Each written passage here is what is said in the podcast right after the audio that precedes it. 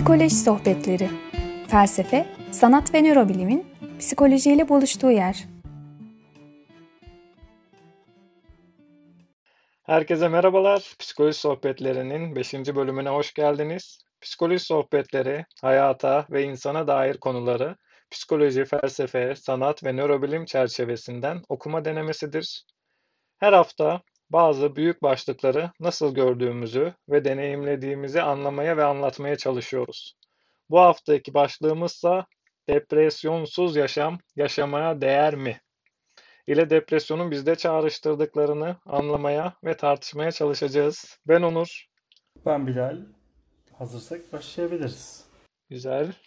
Bugün tabii ki çok önemli, büyük bir konu her zamanki gibi belki de başlık olarak büyük. Tabii ki tam anlamıyla altını dolduramayacağız ama elimizden geldiğince depresyon ne demek, neden böyle bir başlık attık? Depresyonsuz yaşam yaşamaya değer mi? Ee, üzerine biraz eğilmeye çalışacağız. Sen nasıl görüyorsun danışanlarda abi? Ya şu sorunun cevabını ben azıcık merak ediyorum. Direkt olarak sorunun cevabını konuşacak olsak depresyonsuz bir hayat yaşamaya değer mi? Danışanların bu soruya nasıl cevap verir? İlk sorum bu. İkinci sorum danışanlarının depresyonu deneyimlemesi yaş farkı olmadan, cinsiyet farkı olmadan benzeştiği noktaları merak ediyorum. Şimdi tabii çoğu insan için depresyon üstesinden gelemediği bir şey olduğundan dolayı psikoterapide.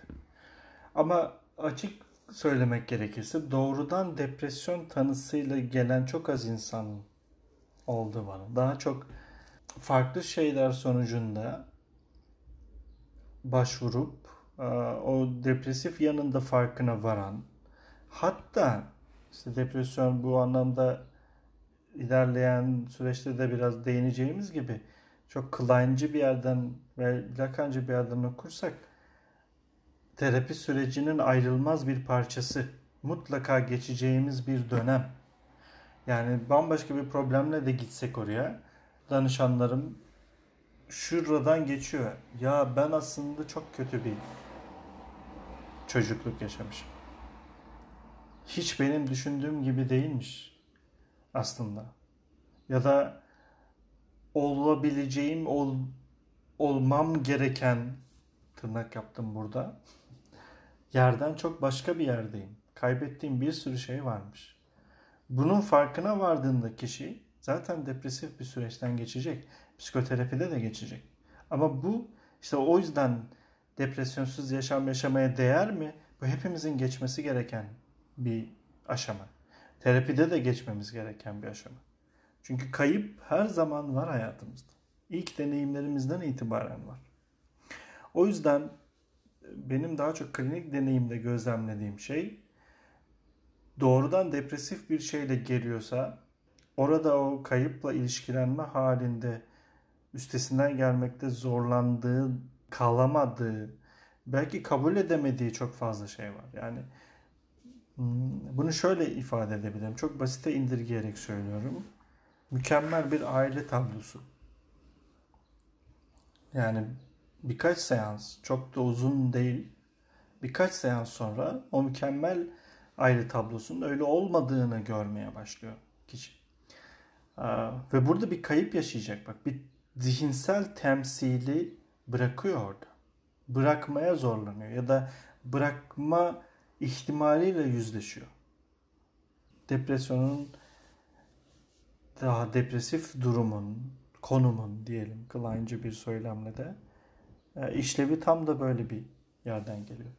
Analizanlarımda, danışanlarımda daha çok gördüğüm şey olumsuz deneyimleri istememek. Yani ben üzülmeyeyim. İşte ben kaygılanmayayım. Hep mutlu olayım.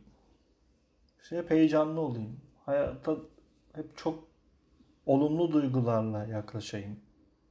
İşte duygu yelpazesi bu yüzden bir yelpaze. O, o bir o bir spektrum. Çok çok geniş bir yelpaze. Yani ben depresyonsuz bir hayat yaşamaya değeri savunsam aslında ilerleyen dakikalarda konuşacağımız gene iyi anne, kötü anne kısmına ilişkili bir yere, ambivalansa ilişkili bir yere geliyoruz. Yani depresyonsuz bir hayat istemek senin de tam üstünde durduğun gibi mutlu bir hayat istemek aslında depresyonsuz bir şekilde mümkün olmayanı istemek. Onu kıymetli yapan, o ambivalansı sağlayan şey orada depresyon zaten. Diğer bir noktada belki biraz daha farklı bir noktada o fark ediş ikinci bir işlevde. Yani gene senin de söylediğin gibi bildiğini bilmek ya da bilmediğini bilmek dörtlemesinde, sınıflandırmasında o işlevsel yer aslında yine benim anladığım kadarıyla seni o istediğin mutluluğa, istediğin bütünleşmeye götüren şey yine o depresyondan geçiyor gibi. Evet yani şunu sağlıyoruz hayatımızda, benliğimizde o depresif konumdan geçerek. Hayatta her şey insana dair. Hiç kimse tam iyi, tam kötü, tam güzel, tam çirkin, tam herhangi bir şey olamaz. Bu anlamda işte doğu felsefelerindeki, uzak doğu felsefelerindeki o yin yang çok önemli bir yeri işaret ediyor. Her iyiliğin içinde bir kötülük, her kötülüğün içinde bir iyilik var. Tam bir iyilik, tam kötülük, tam güzellik, tam çirkinlik, hiçbir şeyin tamı yok. Her şeyde yani bunu böyle çok dikotomik bir yerden de yaklaşmak istemiyorum. Öyle ikililer haline getirip çünkü bu en azından Derrida felsefesinde asıl dildeki zarar bununla ilgilidir. Bu anlayışımızdaki o ikiliklerle ilgilidir, o dikotomiyle ilgilidir. Yani biz iyi ve kötü dediğimizde iyiyi ön plana çıkarıyoruz. Güzel ve çirkin dediğimizde güzeli ön plana çıkarıyoruz. İlk söylediğimizi ön plana çıkarıyoruz çoğu zaman. Bu bir ikilik değil elbette ama bir salınım halinde oluyoruz. Bu ne demek? O uzak doğu felsefelerindeki Dingeng'in işaret ettiği her iyinin içinde bir kötülük, her kötülüğün içinde bir iyilik vardır anlayışına getiriyor bizi. Depresyonsuz yaşam aslında mümkün değil. Değer miye geçiyorum. O konumdan geçmek zorundayız. Çünkü o duygu da bizimle ilgili. O kaybı yaşamak zorundayız. O kayıpla nasıl ilişkileniyoruz? Depresyon dediğim şey sadece kendisini çökkün bir duygu durum, iştahta azalma veya aşırılık, işte uykuda azalma veya aşırılık gibi şeylerle göstermez. Şayet bir kişi çok çalışıyorsa, çok çalışıyorsa, yani hayatında hiçbir şey yer bırakmıyorsa da depresif bir yerden yaşıyor diyebilirim. Bir şeylerden kaçıyor. Bir, bir duyguyla ilişkilenemiyor. Kayıpla ilişkilenemiyor. Ya da o 2, 3, 4 artık neyse çeşitli duyguları, çeşitli um, nosyonları bir arada bulundurma halinin üstesinden gelemiyor. Hayat hiçbir zaman sabit değildir. Olamaz. Her zaman değişiyoruz. Her zaman değişeceğiz. Her şeyi barındırıyoruz. Çok çok hoş bir nokta. Daha dün bir yerde okudum ya da dinledim. Dünya kendi ekseni etrafında, ay dünyanın etrafında, dünya güneşin etrafında, güneş ve bizim e, bütünlüğümüz de uzayın değil mi? Milky Way'in vesaire bir etrafında dönüyor. Yani bu dönüş aslında bir ilerleyiş değil. Ama kendi dönüşü de bir gelişim aslında. Orada bir fark var. Asıl olan dönüşün kendisi. Hani o klips olsun, kendi etrafında olsun. İlerlemeden biraz farklı. Evet aynen. Yani biz istesek de istemesek de değişiyoruz. Bu bu örneği sürekli veririm. Yani danışanlarıma çok tanıdık gelecektir. Ama değişim öyle bir şey ki biz terapi odasına girdiğimizde ve çıktığımızda aynı değiliz. Yani düşüncelerimizle, duygularımızla ilgili hiçbir şey değişmese bile ki bu mümkün değil. Fiziksel olarak farklıyız. Hücrelerimiz yenilendi. Bazı hücrelerimiz öldü, bazı hücrelerimiz yeni doğdu. Ve daha fiziksel dünyadan başlarken bile 20. dakikada başka bir insanız. Başka bir fizikselliği taşıyoruz. O yüzden hiçbir zaman sabit değiliz, olamayız. Her zaman salınıyoruz. Her zaman dönüyoruz. Sadece bu dönüşlerde neyi ne kadar tekrar ediyoruz ve bu dönüşleri ne kadar bizim kılabiliyoruz. Önemli olan terapide de ele almaya çalıştığımız şey tam anlamıyla bu diyebilirim. O ambivalansı kucaklayabilmek. Çünkü sıklıkla terapi sürecinin de aşamalarından bazen dünyanın en iyi terapistisin, bazen dünyanın en kötü terapistisin. İkisi de benimle ilgili. Her seans muhteşem verimlilikte geçmez. Bazen bazı seanslar çok iyidir. Hatta şöyledir. Benim için çok iyi geçmiştir. Analiz Hanım'ın için çok kötü bir seanstır. Ya da Yüzde yüz katılıyorum. Yüzde yüz katılıyorum. Onun için çok iyi geçmiştir. Benim için soru işaretidir. Bu da ne biçim seanstı olmuştur. Bir sabitlik bu anlamda hayatın hiçbir alanında yok. Ve terapi de o hayatın küçük bir simülasyonu. Yani o öyle bir simülasyon ki biraz her ne kadar oradan uzak durmaya çalışsam da o laboratuvar koşullarını barındıran bir yer. Yani sen burada en utandığın halinle, en üstesinden gelemediğin halinle var olabilirsin. Buna dair bir alan. Hiç depresyon yaşadınız mı Bilal Bey? Oo, hem de nasıl? Em, tabii ki bunu daha önce de ifade etmiştim. Benim zamanımda depresyon yoktu, bunalım vardı. Bunalımdaydım. Ama şimdi baktığımda çok net majör depresif diyebileceğim bir dönemim var. Yani hayatımda belki pişman olduğum, yani pek beni tanıyanlar bilir öyle kolay kolay bir şeyden pişman olmam. Her şey bana dairdir, hayatla ilgilidir, her şey kabulümdür. Her yönüyle severim hayatı ama benim de kabullenmekte zorlandığım bir, bir dönem ve ağır bir depresyon hali var. Senin var mı? Evet yani benim benim de var. Majör depresyon. Yani literatürde uyumlu olsun, olmasın adı sanı. Nasıl geçtiğinden ziyade belki bahsetmem gereken yeri geçtikten sonraki hani sana da o dönemde demiştim birkaç yıl önce. İyi ki deneyimlemişim. Yani bunu deneyimlemeden gerçekten şu anki ben çok çok eksik kalırdı. Geçerken kesinlikle zordu. Kabul etmek, onu proses etmek, deneyimlemek, onunla uğraşmak, yüzleşmek. Ama deneyimledikten sonra da vay be, değil mi? Duyguların kıymeti, önemi, kontrolü, ne kadar bastırmaya çalışsam, görmezden gelsem, bilişim ondan üstün de desem ki çoğu danışanımda görüyorum. Öyle değil aslında. Değil mi? Özünde kazananlar ihmal edersen beni bak biz sana neler yaparız mesajını ben çok net aldım ve bundan sonraki kararlarımı da onları dinleyerek, daha çok dinleyerek vermeye çalışıyorum. Yani duyguları tam da bu şekilde sık sık tekrarlıyoruz ama bunlar kontrol edebileceğimiz şeyler değiller. O duygunun akışına kendini bırak, kendimizi bırakabilirsek hayatın daha da renklenebileceği, kendimize dair daha çok şey deneyimleyebileceğimiz, öğrenebileceğimiz bir yerde olabiliriz. Depresyon da bunu buna işaret ediyor bize. O da bir hal. İşte üstünü örtmekle kastım da bu. Bu söylemler depresyon dediğimizde biz küçük bir yere sığdırmaya çalışıyoruz bunu. Oysa ki senin deneyiminde, benim deneyimimde o kadar çok şey içeriyor ki. Yani şu anda kim olduğumla ilgili de çok fazla şey içeriyor.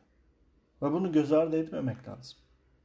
Bunlar çok önemli, çok zor ama kıymetli deneyimler. Çünkü elbette burada biraz Sokrates'e atıf var. Sorgulanmamış hayat, aa, yaşamaya değmez söylemi ve onun üzerine depresyonsuz bir hayat yaşamaya değer mi sorusu aklımıza gelen e, ilk şey oluyor. O zaman Sokrates'in atfına geçmeden önce çok küçük böyle bir heyecanlandırma şey yapalım mı? Senin en indirgemeci tek kelimelik cevabın nedir? Evet, hayır olarak. Tabii ki hayır. Yani bu benim için retorik bir soru. Depresyonsuz yaşam yaşamaya değer mi derken aslında değmez diyorum. Demek Değil mi? Kesinlikle. Ben de bunu anlıyorum. Ben de hani biraz daha gündelik örneklerimde o zaman e, şeyi evetçi tarafı oynamaya çalışayım. Ben de hayıra inansam da. O zaman sözü yavaş yavaş Sokrates'e verelim. Sokrates'in kastı üzerine düşünmek yani hayatımızı incelemek, üzerine düşünmek, e, çağrışımlarda bulunmak ve öylesine değil de yaşadığımız her anın farkına vararak, bilincinde olarak yaşamaya dair bir yere işaret ediyor. Sokrates tabi bilgiyle ilişkisi bence hala geçerli bir ilişki. Çünkü burada incelenen, sorgulanan yaşamla kastı şu. Yani Sokrates için yanlış hatırlamıyorsam dört tip insan var. Biri e, bildiğini bilen, sahip olduğu bilgiyi, neyi bildiğini bilen kişi. İkincisi e, bildiğini bilmeyen, yani bildiği şeylerin farkında olmayan hayata kendine dair. Üçüncüsü bilmediğini bilen ki bu konumda olmak Sokrates için evladır, bir filozofun ya da herhangi bir insanın bulunması gereken konum budur. Bilmediğimi e, bilmem gerekiyor ki bu ünlü söylemi tek bir şey biliyorum o da hiçbir şey bilmediğimdir. Buradan e, geliyor. Dördüncüsü de bilmediğini bilmeyen. Sokrates için en tehlikeli insan tipi bu. Yani bugün e, belki de zır cahil dediğimiz bilmediğini bilmemek nasıl bir görünüme sahip atıp tutuyor. Sürekli konuşuyor. İşte boş tenekeden çok fazla sesin çıkması gibi. Günümüzde özellikle sosyal medyanın patlamasıyla beraber çok fazla böyle insana maruz kalıyoruz. Pek de derinlemesine bilgisi olmadığı bir yerde ahkam kesmeyle ilgili çok fazla şeye şahit oluyoruz. Ve bu öyle şeyler ki oradaki bir cümle bir insanın hayatına kendine zarar verebilecekken o kişi için bilmediğini bilmeme sayesinde belki de hiç önemli olmayan, başkalarına verebileceği zarar ya da onların düşüncesi üzerinde bırakabileceği etkiyi göz ardı eden bir yerde oluyor. Bunu neden söylüyorum? Çünkü bu fenomenolojik yöntemin kökenleri biraz burada. Biz varsayarak yaşıyoruz. Yani yarın uyanacağımızı varsayıyoruz. İşte güneşin yine doğudan doğacağını varsayıyoruz. Bayağı hayatımızı yani adım atabileceğimizi varsayıyoruz gibi bir sürü varsayımlarımız var. Bunların olması oldukça doğal ve hayatı kolaylaştıran bir şeyken bilmediğimizi bilmediğimizde bu varsayımlara çok sıkı sıkı sarılıyoruz ve belki de çok farklı görünümlere sahip olan şeyleri yeterince incelemediğimiz, sorgulamadığımız, üzerine düşünmediğimiz için ıskalıyoruz. Fenomenolojik yöntem burada devreye giriyor. Yani bu varsayımları askıya almaya ve nesnelerin bizi kendilerine sunduğu hallere geri dönebilmeye, onların bizdeki etkilerinden ziyade onların kendi hallerinde var olmalarına yaklaşabilmeye dair bir tavır sergilemeye ya da böyle bir yerden yaklaşmak daha kıymetli hale geliyor. Şimdi depresyon dediğimizde yani psikiyatrik akımında ana akım psikolojinin de çok belirli, sınırlayıcı bir tanımı var bununla ilgili. Yani depresyon şöyle şöyledir. Bunları bunları yaşıyorsan şu 8 maddeden 4 tanesini son bir ay içerisinde deneyimliyorsan depresyondasın. Veya işte bilişsel davranışçı terapilerde işte kökenlerde değersizlik bilişlerinin olumsuz otomatik düşüncelerinin olduğu bir şema varsa depresyondasın. Ve bunlar kurtululması gereken şeyler olarak ele alınır. Her zaman neredeyse. Yani bir patolojidir. Oysa ki hem psikanalizde hem de varoluş psikoterapide bu ön kabul yok. Tabii ki depresyonla ilgili bir tanım var. Bir görünüm hali var. Ama bu depresyonun ne olduğundan ziyade işleyişiyle ilgili bir fikriyat. Ee, Kişinin ne yaşadığını belirlemek ya da onu varsaymaktan ziyade o deneyimin özündekileri açığa çıkarmaya çalışmak. Hem psikanalizden varoluş psikoterapide bu e, anlayış var. Tabii yani şunu söylemiyorum. Bu kategorizasyon e, işte ilaç kullanımını belirlemek için, ortak bir dil oluşturabilmek için ihtiyaç duyulan bir şey. Ama aynı zamanda kurtulunması gereken bir şey. En azından benim baktığım yerden. Boşu boşuna DSM-5 ile beraber e, boylamsal bir bakış açısına evrilmeye çalışmıyor. E, çünkü bu kategorizasyon çok net hataları barındırıyor içinde. Ne gibi? Çok depresyonun dışına çıkıyorum her zamanki gibi ama örneğin e, obsesif kompulsif kişilik bozukluğu tanısı. Obsesif kompulsif bozukluk değil. Obsesif kompulsif kişilik bozukluğu tanısı. 8 tane maddesi var. Ve bu 8 maddeden 4 tanesini taşıyorsan obsesif kompulsif kişilik bozukluğuna sahipsin. Bu tanıyı alıyorsun. Bu şey demek bak 8 maddeden 4'ünü bir kişi taşıyabilir ve obsesif kompulsif kişilik bozukluğu tanısı alabilir. Diğer dördünü başka bir kişi taşıyabilir ve aynı tanıyı alabilir. İkisinin ortak neredeyse hiçbir deneyimi yokken, benzer olan hiçbir deneyimi yokken aynı tanı kategorisi içerisine giriyorlar. Ve tabii ki burada yine söylüyorum, ilaç kullanımı için gereklidir belki. Çok hakim olduğum, bildiğim bir şey değil. Tarihsel izlekteki seyrini de anlayabiliyorum. İşte psikanalizden kurtulma çabası, onun tahakkümünden kurtulma çabası. Çünkü ilk üç DSM çok ağır bir psikanaliz etkisi altında. Sonrasında değişmeye başlıyor bilişsel davranışçı terapilerle beraber. Ama bu da çok indirgemeci bir yerde konumlanıyor. O kadar indirgemeci ki kişinin öznel deneyiminden uzaklaşıp onun deneyimini belirlemeye dair bir çabaya giriyor. Şimdi depresyondan buraya nasıl geliyoruz? Depresyon belki de çoğu insanın dilinde olan ve hemen hemen herkesin depresyon dediğimizde ne demek istediğimizi anladığı bir kavram. Ama öyle mi gerçekten? Bunu sormak lazım. Bunun üzerine düşünmek lazım. Çünkü ben o kadar depresyonlu insanla çalıştım ki depresyon benim açıkçası zorlandığım patoloji türlerindendir. Hiç aynı depresyonu taşıyan iki insanla karşılaşmadım. Hepsi birbirinden çok özgün şekillerde farklıydı. Öyle de olması gerekiyor. İşte bu varsayımlardan kurtulmakla ilgili ifade etmek istediğim şey de tam olarak bu.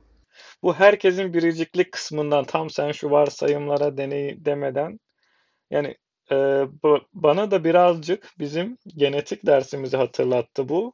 Herkes o kadar biricik ki yani o kadar doğru bir şey söylüyorsun ki belki yüzlerce depresyonla e, tanısına sahip ya da belirtiler gösteren kişiyle çalıştın ama hepsi de birbirinden farklıydı. Aslında şu anda 2010'lardan sonra belki DSM'in karşısında Ardok'un güçlendiğini görüyoruz. Yani Ardok'un da dayandığı yine o bireysellikte aslında genetik altyapıyla beraber herkesin hem fizyolojik farklılıklardan işte kortizol, e, stres hormonlarının katsayılarından bunların etkilediği küçük küçük aksisler örneğin HB aksis ve onların birleşerek artık bağışıklık sistemine yaptığı etkiler. Ve herkesin Ardoğun da daha şu anda çok küçük e, adımlarla büyüyor ama siteler var ve bu sitelerden davranışsal boyuta gelmeden ta hücre boyutundan, genetik boyutundan, bu aksislerden, bağışıklık sisteminden daha sonraki davranış boyutuna varan bir şekillenme üzerinden ilerliyor. Yani siz buna treat edeceğiniz zaman sadece işte 8'de 4 hmm, uyuyamıyor, hmm, iştah bozulmuş diye değil. Buna özel bir plan, buna özel bir ilaç, buna özel bir e, analiz süreci ya da davranışçı terapi her neyse ilerlemeniz gerekiyor. Ve hani hocaların savunduğu, literatürü takip eden hocaların savunduğu çok daha verimli olacağı, çok daha kişiye özgü ilerleyeceği. Hani çok da bir tip 2, tip 3 diyabet gibi değil aslında bilişsel rahatsızlıklar çok daha özel e, bir bakım gerektiriyor bu noktada. Şunu belirtmek gerekiyor. Senin de söylediklerinin ışığında. Psikanaliz ve varoluşu psikoterapiyi diğerlerinden ayıran ne?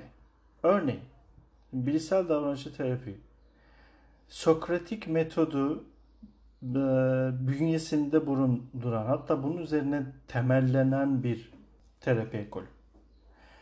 Oysa ki Sokrates'in o Sokratik metodunu temelden yanlış anlama üzerine kurulu. Çünkü yani bir bilişsel davranışçı terapi eğitiminden, uzmanlığından geçmiş birisi olarak söylüyorum bunu. Terapistin danışan ne de analizanın olumsuz otomatik düşüncelerine dair bir bildiği vardır. Bir varsayımı vardır. Ve Sokratik metotla beraber onu ortaya çıkarmaya çalışır. İşte aşağı ok yöntemi falan gibi şeyler var. Yani temelinde bunun olumsuz otomatik düşünce var. Onun da temelinde bilişsel çarpıtmalar var onu açığa çıkarmaya çalışıyor. Bildiği bir şey var yani terapistin daha yola çıkarken. Oysa ki Sokrates'te bu böyle değildi. Sokrates Kierkegaard'ın da okumasıyla ironiyi kullanır ve kendisinin öncesinde konuyla ilgili bir şey bilmediğini hatta bunu söylüyor. Bildiğim tek şey hiçbir şey bilmediğimdir. Konuyla ilgili bir şey bilmiyorum ama senin bildiğini düşündüğün şey üzerine düşünmediğini e, sana göstereceğim. Aslında kabul ettiğin şeylerin hepsinin altını koyduğumuzda bunların hepsinin yerine oturmayan taşlar olduğunu o sorgulamayla beraber göreceğiz. Yani Sokrates şunu demiyor. Ben aslında nereye varacağımızı biliyorum demiyor. Bilsel davranışçı terapist bunu biliyor nereye varacağını biliyor. Nereye gideceğini öncesinde biliyor. Psikanaliz ve varoluşçu psikoterapide tabi psikanalizin de çok büyük varsayımları var. Yani ben her ne kadar burada daha psikanaliz tarafında dursam da varoluşçu psikoterapinin burada psikanalizi çok zenginleştireceği bir yan var. O da fenomenolojik yöntem. Tabii ki e, fenomenolojik yöntemi kullanan psikanaliz ekolleri de var günümüzde. Varoluşçu psikoterapi, varoluşçu psikanalitik psikoterapi ee, bunun en önemli örneklerinden bir tanesi. Ee, keza ilişkisel psikanalizde de e, bu nüvelere rastlamak e, olası. Her ne kadar psikanalizin insan gelişimi ve doğasıyla ilgili işleyişi, zihinsel yapısının işleyişiyle ilgili bir varsayım olsa da hiçbir zaman şunu söylemez. Ya depresyon şu şu şudur, bunlar bunlardır. O zaman sen de depresyondasındır demez. Aksine kişi ben depresif hissediyorum dediğinde ne demek istiyorsun? Yani depresif, hissetmek nasıl bir şey? Kişinin kendi öznel deneyimini anlatmasına, onun üzerine yorumlamasına. Çünkü hepimiz farklı çocukluklardan geçtik ve farklı deneyimlerden farklı söylemler edindik. Ben burada aşk dediğimde örneğin aşk senin işte kulaklıktan ses dalgaları kulağına gidiyor. işte beyninde belli yerlere uğruyor. işte bellekten uzun süreli bellekten bazı anıları çağrıştırıyor. Aşka dair senin deneyimleri üzerinden bir anlayış, bir kavrayış gerçekleştiriyorsun. Oysa ki ben aşkı ifade ederken kendi anılarımdan, e, deneyimlerimden yola çıkıyorum. Ve bu ikisinin bir olması, aynı şey olması mümkün değil. İkimiz de hiçbir zaman bu konuda dünya üzerinde 8 milyar insan varsa 8 milyar farklı aşk deneyimi var. Aşk söylemi var. E, bu anlamda hiçbir zaman ortak bir dili konuşamayacağız. İşte dilin yetersizliği de aslında burayla ilgili. Her zaman bizi kısıtlayan bir şeydir.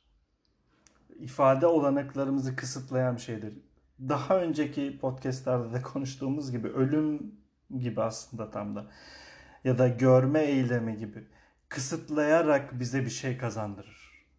Çünkü sonluluk insan olmaya dair en önemli kurallardan bir tanesi, sınırlardan bir tanesi değil. Bu kadar uzattım tabii ki nereye varacağım? Depresyon söz konusu olduğunda işte C.S. Lewis'in Narnia günlüklerinin yazarının eşini kaybettikten sonra yazdığı bir kitap var.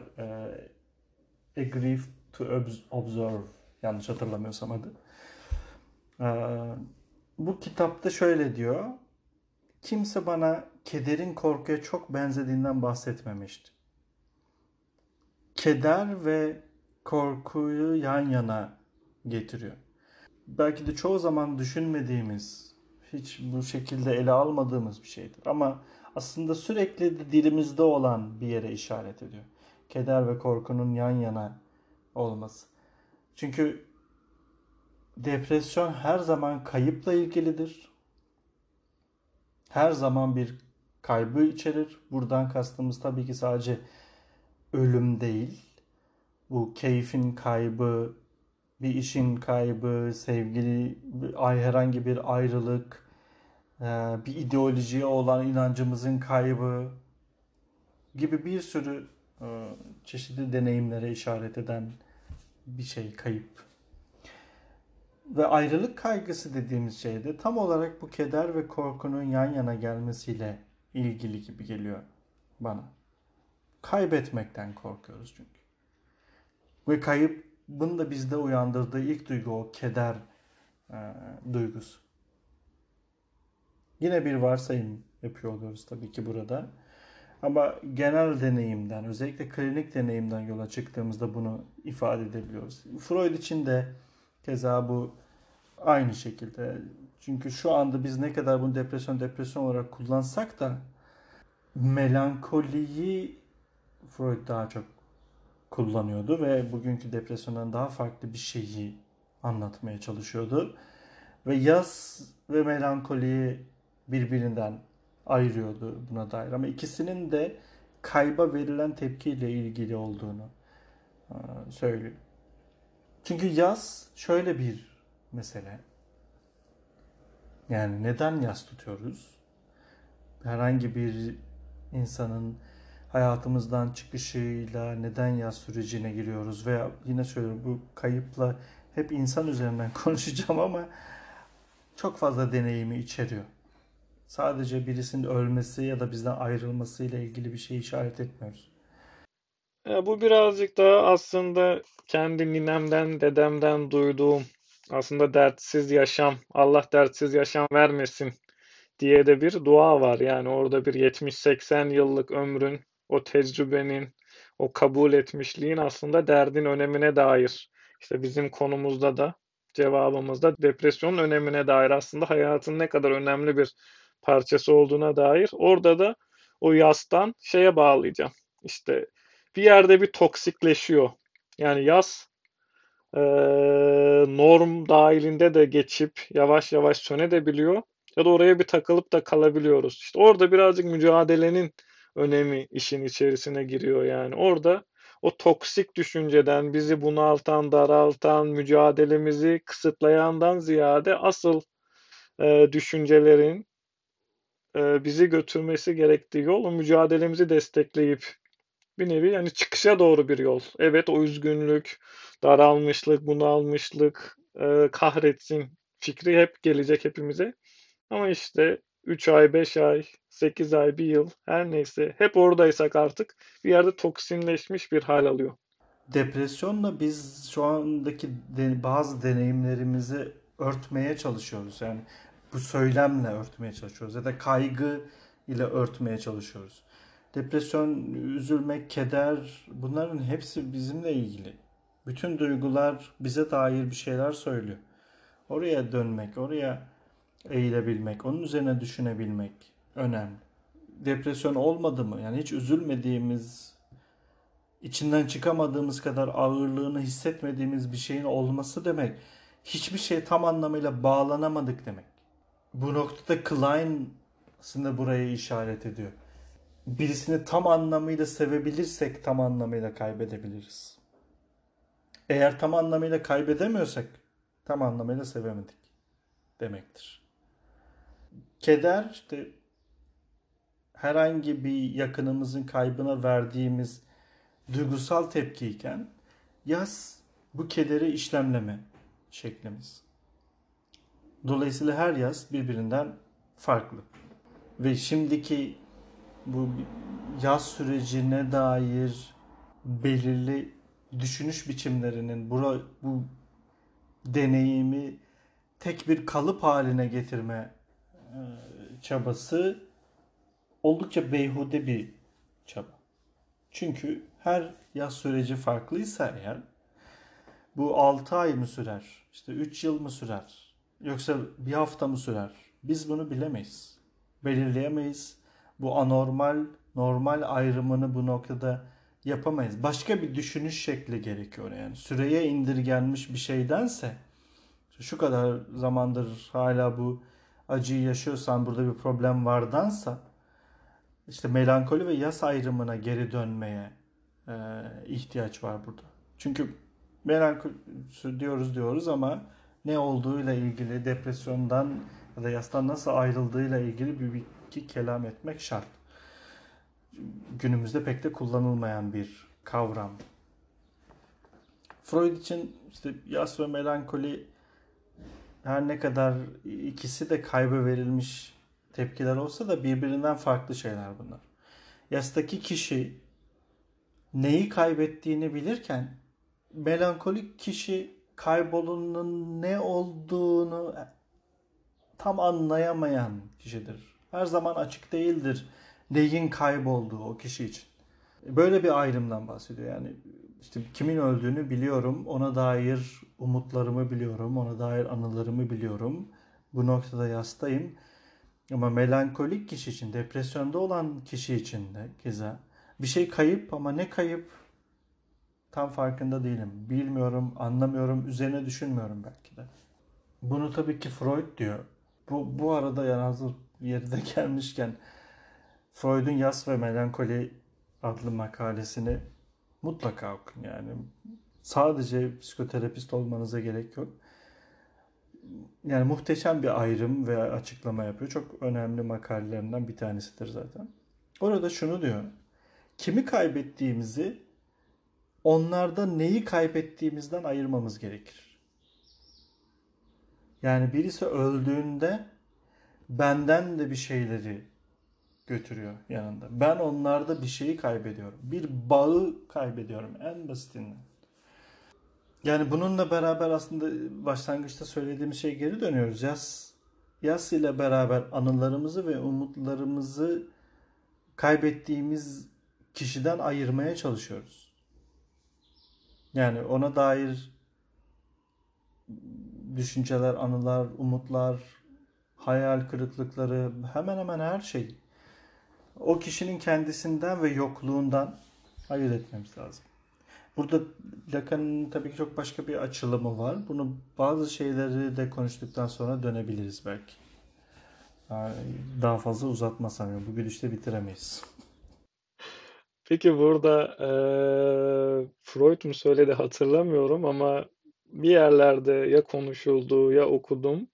Aslında öyle bir noktaya geldik ki yasımıza üzülürken, birini kaybettiğimizde onunla itip giden şeylere üzülürken belki de ona değil, bizdeki gidenlere de üzülüyoruz. Ve belki sadece ona üzülüyoruz gibi de bir durum olabilir. Yani çok daha bencilce bir e, bakış açımız da burada hüküm sürüyor olabilir. Çok doğru söyledin bunu. Çünkü tam da böyle aslında. Ee, ölen kişiyle yani bunu klinik gözlemler daha net ortaya koyuyor. Ölen kişiye dair çoğu zaman olumsuz duygular, bazen nefret de söz konusu. Ve bu nefret tam da bizden götürdükleriyle ilgili nefret. Bu bizden götürdükleri öyle şeyler olabilir ki artık burada olmayacak olması, bizimle ilgilenemeyecek olması gibi şeyleri de içeriyor. Oldukça bencilce ya da daha jargonla konuşacak olsak daha narsisistik bir yerden geliyor. Ve bu normal. Burada bir sıkıntı yok. Çünkü işte ayırmaktan kastı bu. O, o kişiyle kurduğumuz bağ ve o bağı içselleştirmemiz yani belirli nesne temsilleri oluşturmamız sonucunda bunu yaşıyoruz. Birisinden yani bu hepimizin deneyiminde olan, kimimizde daha daha iyi işlevsel, daha kimimizde daha kötü baş etmekte zorlanması sağlayan yerde olsa da ayrılık hayatın ilk aşamasından itibaren e, bizimle beraber bize dair ilk geçmemiz gereken süreçlerden bir tanesi. Yani o kaybı yaşamak zorundayız. Annenin memesini bırakmak zorundayız. Onu kaybetmek zorundayız. Onun sürekli ilgisini kaybetmek zorundayız. İşte bağımsızlığı, özgürlüğü kazanabilmek için bu ayrılıkların, bu kayıpların hepsini yaşamamız gerekiyor. O yüzden zaten kayıp dediğimiz şey sadece fiziksel bir ölüm değil. Yani her şey, bir hayal kırıklığı, bir umudun kaybı. Yine söylüyorum, ideolojiye olan inancın kaybı. Yine aynı mekanizmayı tetikliyor. Melankolide en önemli görünüm kişinin kendisine olan saygısının azalmasıdır. Yasla arasındaki fark burada yatıyor. Değersizlik, önemsizlik, hatta aşağılık tanımlamalarıyla cezalandırılmayı bekliyor melankolideki kişi. Ve yani herhangi bir kaygıda ya da başka kişiyi zorlayan deneyimlerde kötü bir düşünce ya da dürtüye sahip olduğu için huzursuz olan kişi, değersiz hisseden, yetersiz hisseden kişi bunları hissederken yani bu bir his olarak onda varken melankolik e, bu noktada o o his yetersizliği bilen, o değersizliği bilen kişidir. Ayrımı yapabildim mi? Tam emin olamadım. İlk kısımla ilişkili Bir bildiğini bilen yani orada bir farkındalık ayrımı var yine. Burada yastaki kısım belki işin normal kısmı o farkında olmadan yoğun duygu durumumuz ve ilerleyen süreçte melankoli kısmı birazcık daha artık o toksik hali kabul edişimiz. Farkında olsak dahi kendimize olan saygımıza müdahale etmememiz, mücadeleye geçmememiz ve artık kabul ne diyeyim hayatımızın yodak noktasında onunla devam etmemiz mi? aynen öyle ve burada hani melankolik kişi kendisini kötü bir insan olmakla suçlayacaktır. Yani o bilmekten kastım bu. Bu bir cezalandırılmayı da içeriyor. Kendisine yönelik bir öfke de içeriyor aslında. O yasta o öfke daha çok karşı işte o giden kişiyle ilgilidir. Ne demek bu? Beni terk etti, beni bıraktı, ben onsuz ne yapacağım artıkken? Burada melankolide o kayıpla mücadelede kişinin kendisine yönelik bir öfke ve suçlama vardır. İşte ben kötü bir insanım, ben zaten değersizim, zaten yetersizim gibi. Bu şikayet oldukça ontolojik bir şikayet. Kendi varoluşuyla ilişkili bir e, şikayet. Şu örnek güzel. Samuel Butler şöyle bir şey ifade ediyor. Melankolik bir kişi dünyadaki en kötü arkadaşa sahiptir. Yani kendine. O öz suçlamaları, öz utancı içeren bir yere işaret ediyor. Kişinin kendisinden utanması, kim olduğundan utanmasıyla ilgili bir bir şey var ki bu utanç duygusu benim için çok önemli bir duygu. Bence psikoterapinin temellerinde olan bir duygu. Utanç. Çünkü o utandığımız şeyi psikoterapi ortamında açığa çıkarıyoruz. Açığa çıkarmaya çalışıyoruz. Ancak o utançla beraber bunu açığa çıkarabilirsek kim olduğumuzu, ne düşündüğümüzü, ne hissettiğimizi, aslında ne istediğimizi ortaya koyabilirsek bunu geride bırakabilmeye ya da burayı değiştirebilmeye dair bir ihtimali elimizde tutmaya başlıyoruz. Tabii burada kaybedilen kişi melankolik için işte şu anda sevdiği ya da daha öncesinde sevdiği hatta sevmiş olması gereken birisi bile olabilir. Bu, bu kayıp öyle bir kayıp. Yani bu çok sabit bir şey olarak düşünmemek gerekiyor. Ama bir kez kayıp gerçekleştiğinde bu kişinin imgesi melankoliğin benine transfer olur. Yani ona dair bendeki zihinsel temsil benim egoma, benim benime geçer. Ee, Bir özdeşleşmeden bahsediyoruz. Melankoliyi yastan ayıran tam da bu. Yine aslında orada o bir, bir kaybettiğim kişiye dair bir öfke var ama bu özdeşleşme yüzünden bu bana yönelen, kendime dönmüş bir öfke, bir nefret. Artık her neyse oradaki olumsuz duygu ama çoğu zaman öfke ve nefret olduğunu söyleyebiliriz. İşte burada Freud'un o meşhur e, sözü devreye giriyor. Nesnenin gölgesi benim üzerine düşüyor. Yani ona dair olumsuz şeyleri özdeşleşmeyle beraber içselleştiriyorum. Ve artık bana dair, benimle ilgili bir şeyi içeriyor. Ben artık melankolik öznenin acımasız eleştirilerine maruz kalacak. Bu da çok beğendiğim bir ifade yine. Aa, Mızraklar artık bu meraklara dönüşüyor. Yani başkasına yönlendireceği o eleştiriler, o saldırılar, öfke, nefret kendisine dönen şeyler hani. Başkasına yöne yönlendirecek o başkasına doğru çıkıyor ama yine kendisine dönüyor. Kendi benine dönüyor. İşte bu özdeşleşme kilit bir öneme sahip. Çünkü ben özdeşleştiğimiz, dönüştüğümüz her şeyden hareketle inşa edilir. Hı hı. Ben büyüme sürecinde neyle özdeşleşiyorsam, neye dönüşüyorsam onunla beraber egomu, benimi inşa ederim. Mızrakların bumeranga dönüşmesi ve gerçekten o yani daha bugün hatta e, sohbet ediyorduk. Kimi arkadaşlarım şunu iddia ettiler. Kinli, nefretli insanlar daha rahat yaşıyorlar.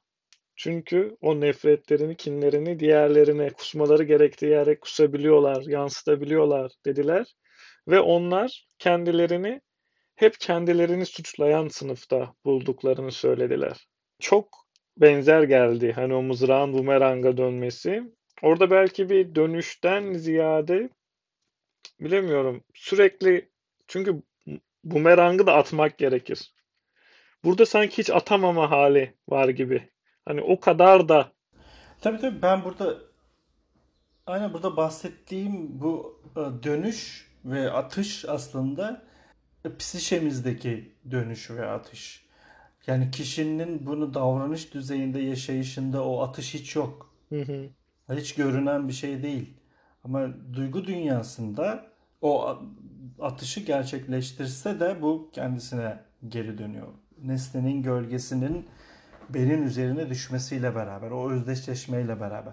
Aslında başkasına gönderiyor ama o kendisinde özdeşleştiği, içselleştirdiği bir şey olduğu için kendisine yönelik bir şey oluyor. Davranış düzeyinde de yani bilinç dışındaki işleyiş bu. Bilinçteki işleyişte de aslında hiç o ilk aşamayı görmüyor. Onun farkında bile değil.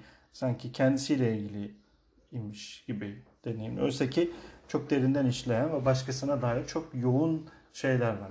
Verdiğin örnekte de oldukça yerinde bir söylem var. Evet o öfkeyi ifade edebilen kişi, insan e, bu anlamda daha ne kadar şey olursa olsun daha rahat devam edebiliyor hayatına. Ama işlevsel düzeyde. Yani sürekli öfke ve kin varsa orada da onun da tutunduğu bir şeyler var. Tuttuğu bir şeyler var. Ki bak burayı hatırlayabilirsem çok güzel olacak. Yaz İngilizce'deki grief, Almanca'da greifen tutmak, tutunmak demek. Yani bir şeye tutunabilirsek, bir şey tutunursak, o duyguya tutunabilirsek o yaz sürecini şey yapabiliyoruz. Ama aşırı tutunduğumuzda da, hiç bırakmadığımızda da bu bizim için e, sıkıntı haline gelen, orada takılı kalmamızı sağlayan bir şey. Evet öfkeli insanlar ya da o kini, öfkeyi dışarı aktarabilen insanlar belki daha işlevsel düzeyde daha iyi, daha rahat yaşıyor olabilirler. Ama onların da tutunduğu bir şeyler var. Belirli şeylerin yasına ya da o kedere, grief belki öyle de çevirebiliriz. Tutunuyorlar.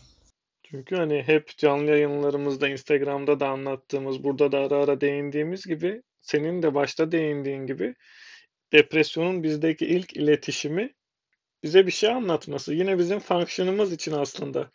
Hiç depresyona girmemek de aslında olayların ne kadar derinden belki zorlayıcı gittiğine dair bir şey. O ikinci grup insana atfen söylüyorum. Evet belki burada işte Klein'a uğramak e, yerinde olacaktır. Çünkü Klein için yaz o depresif konumdan tekrar geçmekle ve bunun gerekliliğiyle ilgili.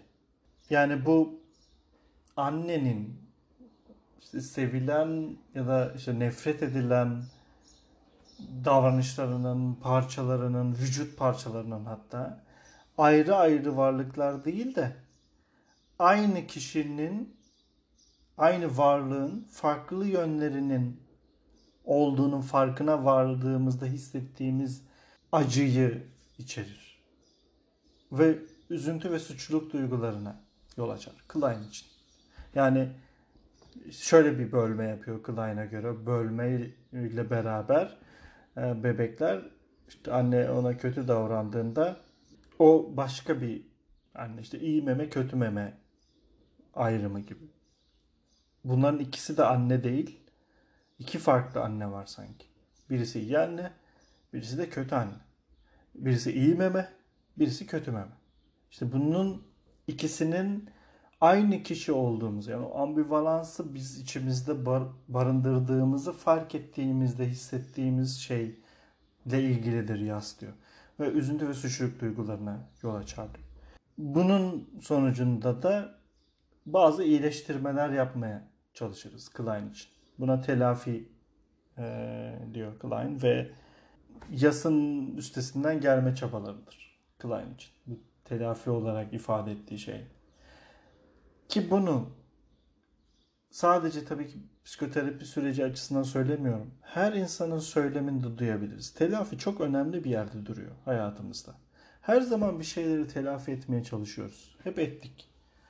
Ve birazcık üzerine düşündüğümüzde bu telafilerin çoğunun da aslında kendimizi telafi etmeye dair bir şey olduğunu görebiliriz.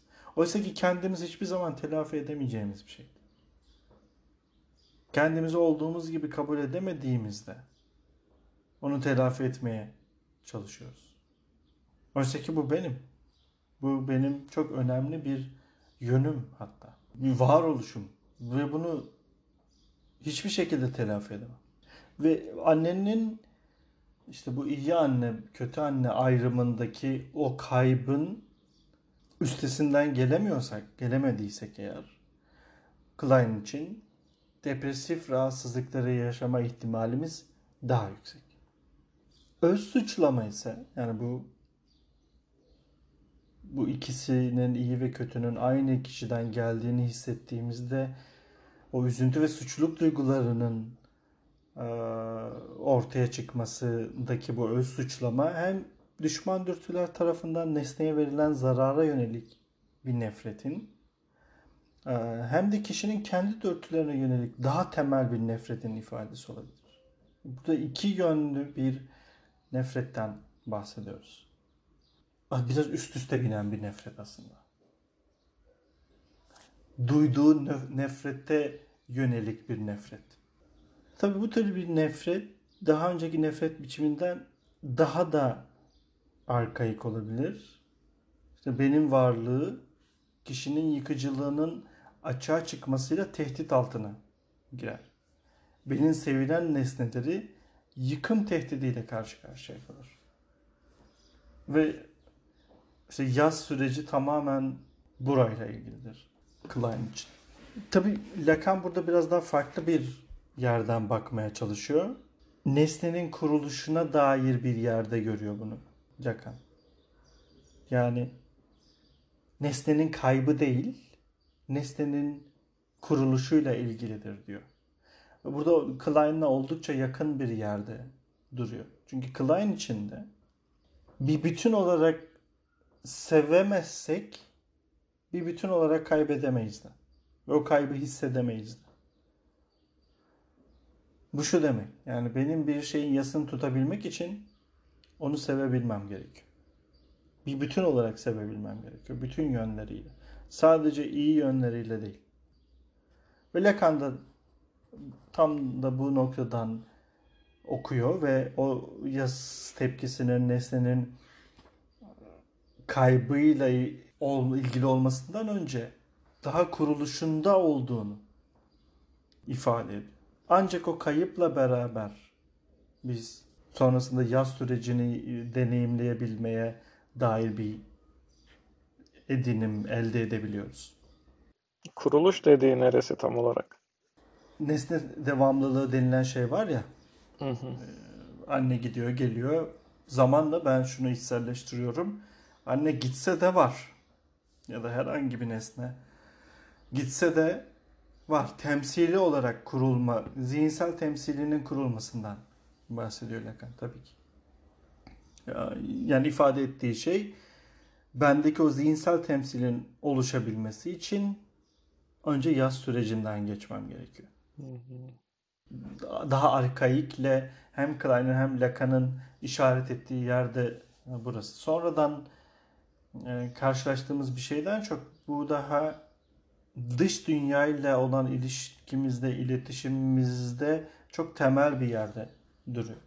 Onun devamlılığını anlayabilmemiz için önce gidebilir olduğunu ve gitse de orada olduğunu kavramamız, anlamamız e, gerekiyor. Bu Piaget'de birazcık daha e, malum en çok işleyip anlattığı noktalardan biri hani nesne devamlılığı için yaz sürecinden geçmek gerek. Belki biraz iddialı geldi benim kulağıma.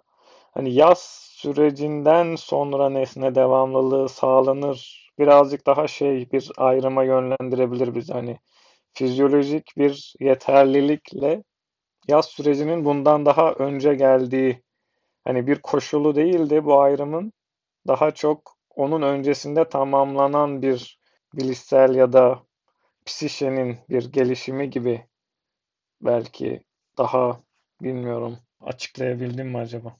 Şimdi burada yo, anladım sanırım ama e, tabii ki şunu belki biraz açmak gerekiyor.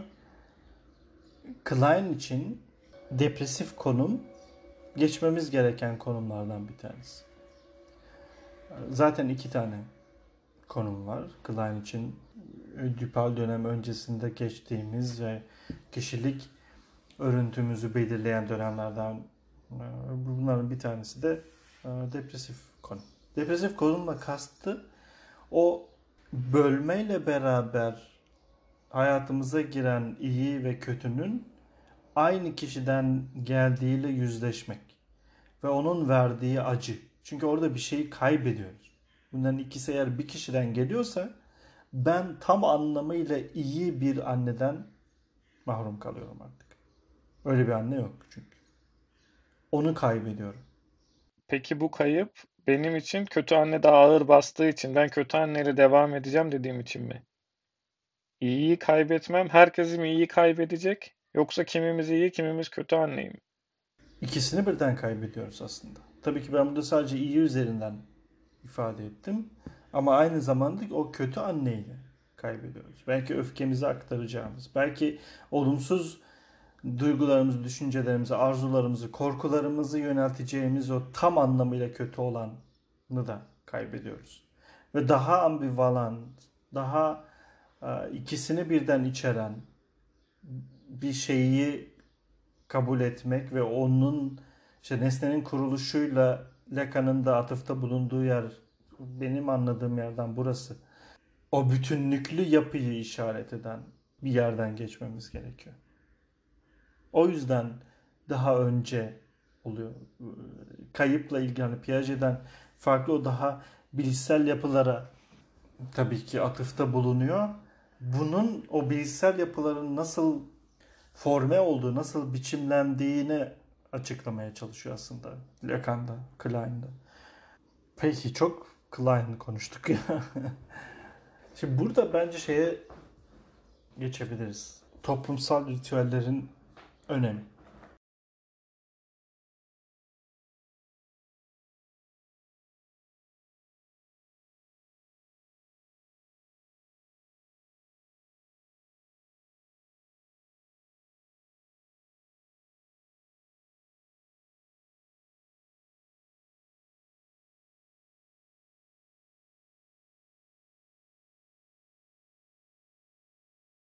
Harika bir nokta. Yedisi, üçü, yedisi, kırkı. Yeter ki sen yasını yaşa, ben sana yemeğini getireyim. Hani ritüel dediğinde benim aklıma ilk gelen tabii ki biz daha çok çeşitli metaforik anlamlarını konuştuk ama somut örnek verecek olursak işte birinin kaybı. Oradaki bizim ritüellerimiz ki psikanalizle sen şey yaptın. Belki diğer dinlerdeki ya da ülkelerdeki ritüelleri. Ölüyü öldürmek yani harika bir nokta burası. Evet evet. Çünkü psikoterapide yaptığımız şey de o. Yani psikoterapi her zaman kayıpla ilgilidir bence. Ve ölüyü öldürmek de burada şu anlamda bir metafor olarak canlanıyor benim e, zihnimde. Evet he, yani çok kötü bir çocukluk yaşadım. Evet. Ama bitti. O çocuk öldü. Sen artık çocuk değilsin.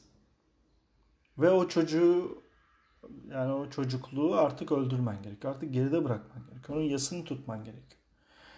Ee, evet bütün bunları yaşadın yani. Hani bu ne kadar sürer? O yüzden yani bu 6 ay mı sürer? 6 yıl mı sürer? Ee, bunu belirleyebileceğimiz, önceden öngörebileceğimiz bir şey değil. Herkesin süreci farklı olacak. Çünkü hepimizin yaşadığı deneyim birbirinden bambaşka.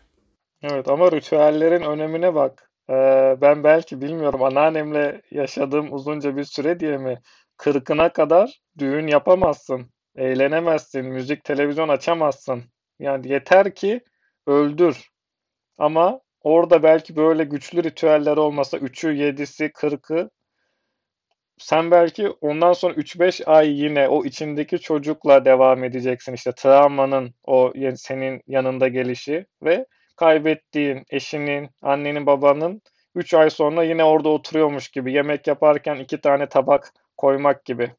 Ama o 7'sine kadar, 40'ına kadar müzik bile açmadan. Hani doya doya değil mi? Bir tabiri caizse ağlayarak, kriz geçecek şey yaparak yasın yaşaman. Evet aynen öyle yani bu anlamda toplumsal ritüeller gerçekten çok önemli. Boşu boşuna çıkan şeyler değiller zaten. Ki totem ve tabuda da Freud buradan çok okumaya çalışıyor. Yani toplumsal ritüeller sadece bu yasla ilgili değil ama cinselliğimizle ilgili, yaşamı ele alışımızla ilgili, duygu dünyamızda, o psişemizde çok belirleyici bir yerde duruyor. Ve yasla ilgili toplumsal ritüellerinde çok büyük bir önemi var bu noktada. Senin de belirttiğin gibi 7'si 40'ı gibi şeyler. Yani senin o yas durumunda kalabilmene, o duyguyu yaşayabilmene, o anlamda senin destek mekanizmalarıyla beraber hayatına devam edebilmene. Depresyon da böyle bir şey değil mi? Yani depresyon şu demek benim yardıma ihtiyacım var. Ben o kadar kötüyüm ki yani bir şeyin üstesinden gelemiyorum. Bir duyguyla kalamıyorum ve bu noktada işte iştahım yok. Yataktan kalkamıyorum ya da evet çok az uyuyorum. Sürekli bir üzüntü duygusu var içimde ve bu öyle bir üzüntü ki kaygıyla da karışık biraz. Ve bir çağrıdır yani sosyal destek mekanizmalarından en başında. Ki Kaybolan Bağlar kitabında da bundan bahsediyor. İşte o kaybolan bağlarla beraber biz depresyon, melankoli gibi yerlere yüzümüzü dönüyoruz. Ve bu kaybolan bağlardan kastı sadece kişilerle, insanlarla olan ilişkimiz değil. Doğayla olan ilişkimiz bunlardan biri. Doğayla olan ilişkimizi kaybettik. Ki şu anda öyle bir sürecin içerisinden geçiyoruz. Daha da bizim için belirgin bir hale geliyor bu noktada. Ve yine şunu unutmamak gerekiyor. Belki başkayla olan ilişkimizde bu yasın ve depresyonun çok önemli bir yeri var. Bütün bu nesne içselleştirme süreçleri, o e, zihinsel temsiller hepsi başkayla ilgili. Özellikle büyük başkayla ilgili. Onun bizden bekledikleri ve bizim ondan beklediğimiz, ona yansıttığımız umutlarımız ve onlarla nasıl bağlar kurduğumuz ve sonra bu bağları nasıl bırakabildiğimiz ya da bırakamadığımızda ilgili. Çünkü en azından psikanalizde yani anne baba bir bir zihinsel temsildir. Ölü anne, ölü baba başka bir zihinsel temsildir. farklı bir temsil yapıyoruz onlarla ilgili. Bir noktada gene yani çok ilişkili geldi bana o kısım. Ne kadar öldürebildiğimiz anneyle ne kadar öldüremediğimiz baba da belki orada o dereceler de farklı belki. Aynen öyle.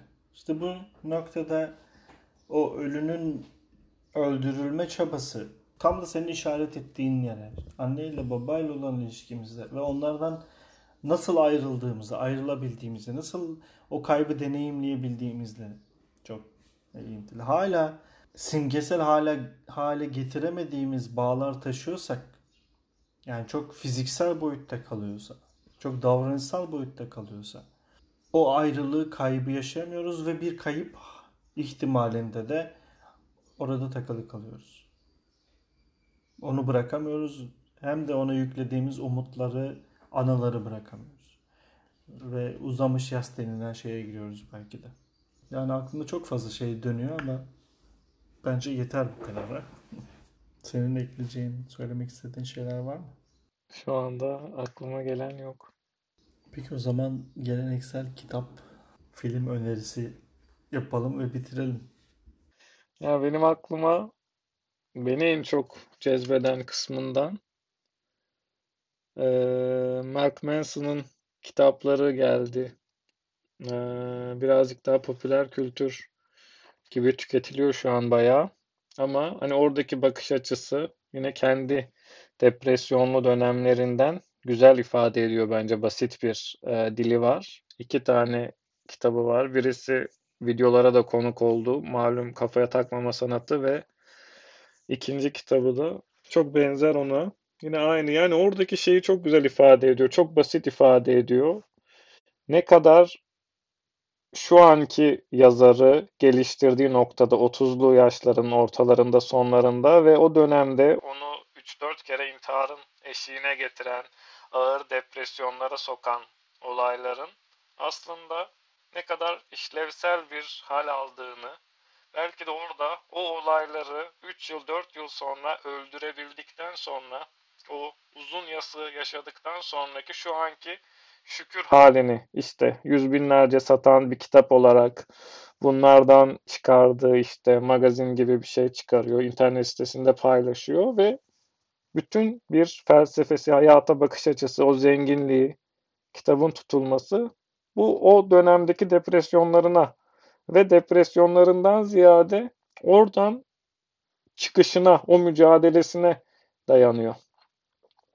Yani depresyonsuz bir hayat yaşamaya değer mi de bizim cevabımız az çok tersini savunsam desem de olmazsa olmazı yani çok korktuğumuz ama onsuz da pek de bir kıymeti olmadan değil mi? Biraz daha bilgisayar gibi, robotlar gibi duygularımızdan uzak bir hal alıyor. O yüzden Evet belki bağlayacağımız bu yeri e, bağlamadan kapatıyor olduk.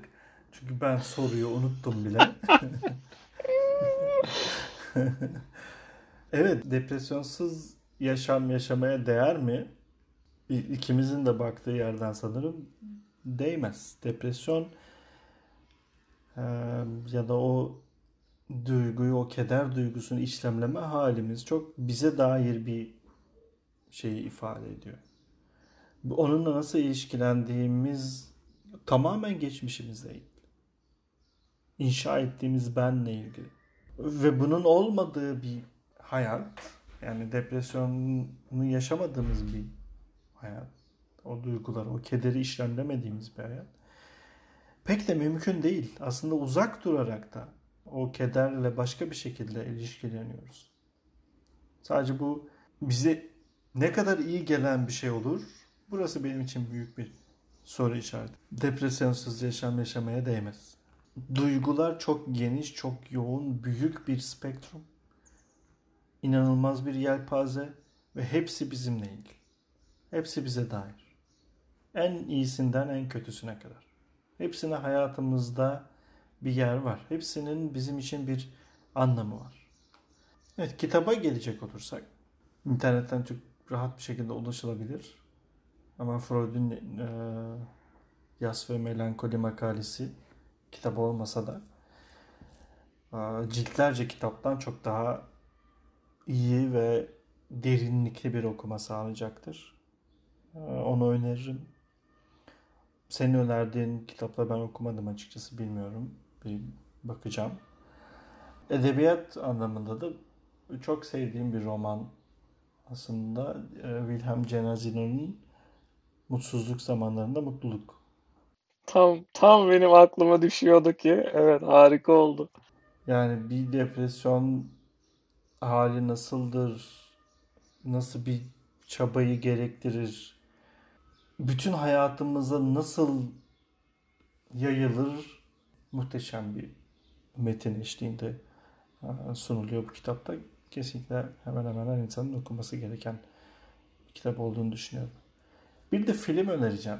Bunu izleyeli oldukça zaman oldu. Ama benim zihnimde çok iyi bir film olarak kalmış. Belki ele aldığı konulardan dolayıdır. Ee, Joachim Trier'in Reprise 2006 yapımı bir filmi. Yani İskandinav sinemasından bir yazar, genç bir yazar, yazma süreci, aşk, kayıp, birçok şeyi içeren oldukça güzel bir film. Onu tavsiye ederek bitirebiliriz sanırım. O zaman görüşmek üzere. Bize dinlediğiniz için teşekkür ederiz. Hoşçakalın. Evet, herkese teşekkür ederiz. Haftaya görüşmek üzere.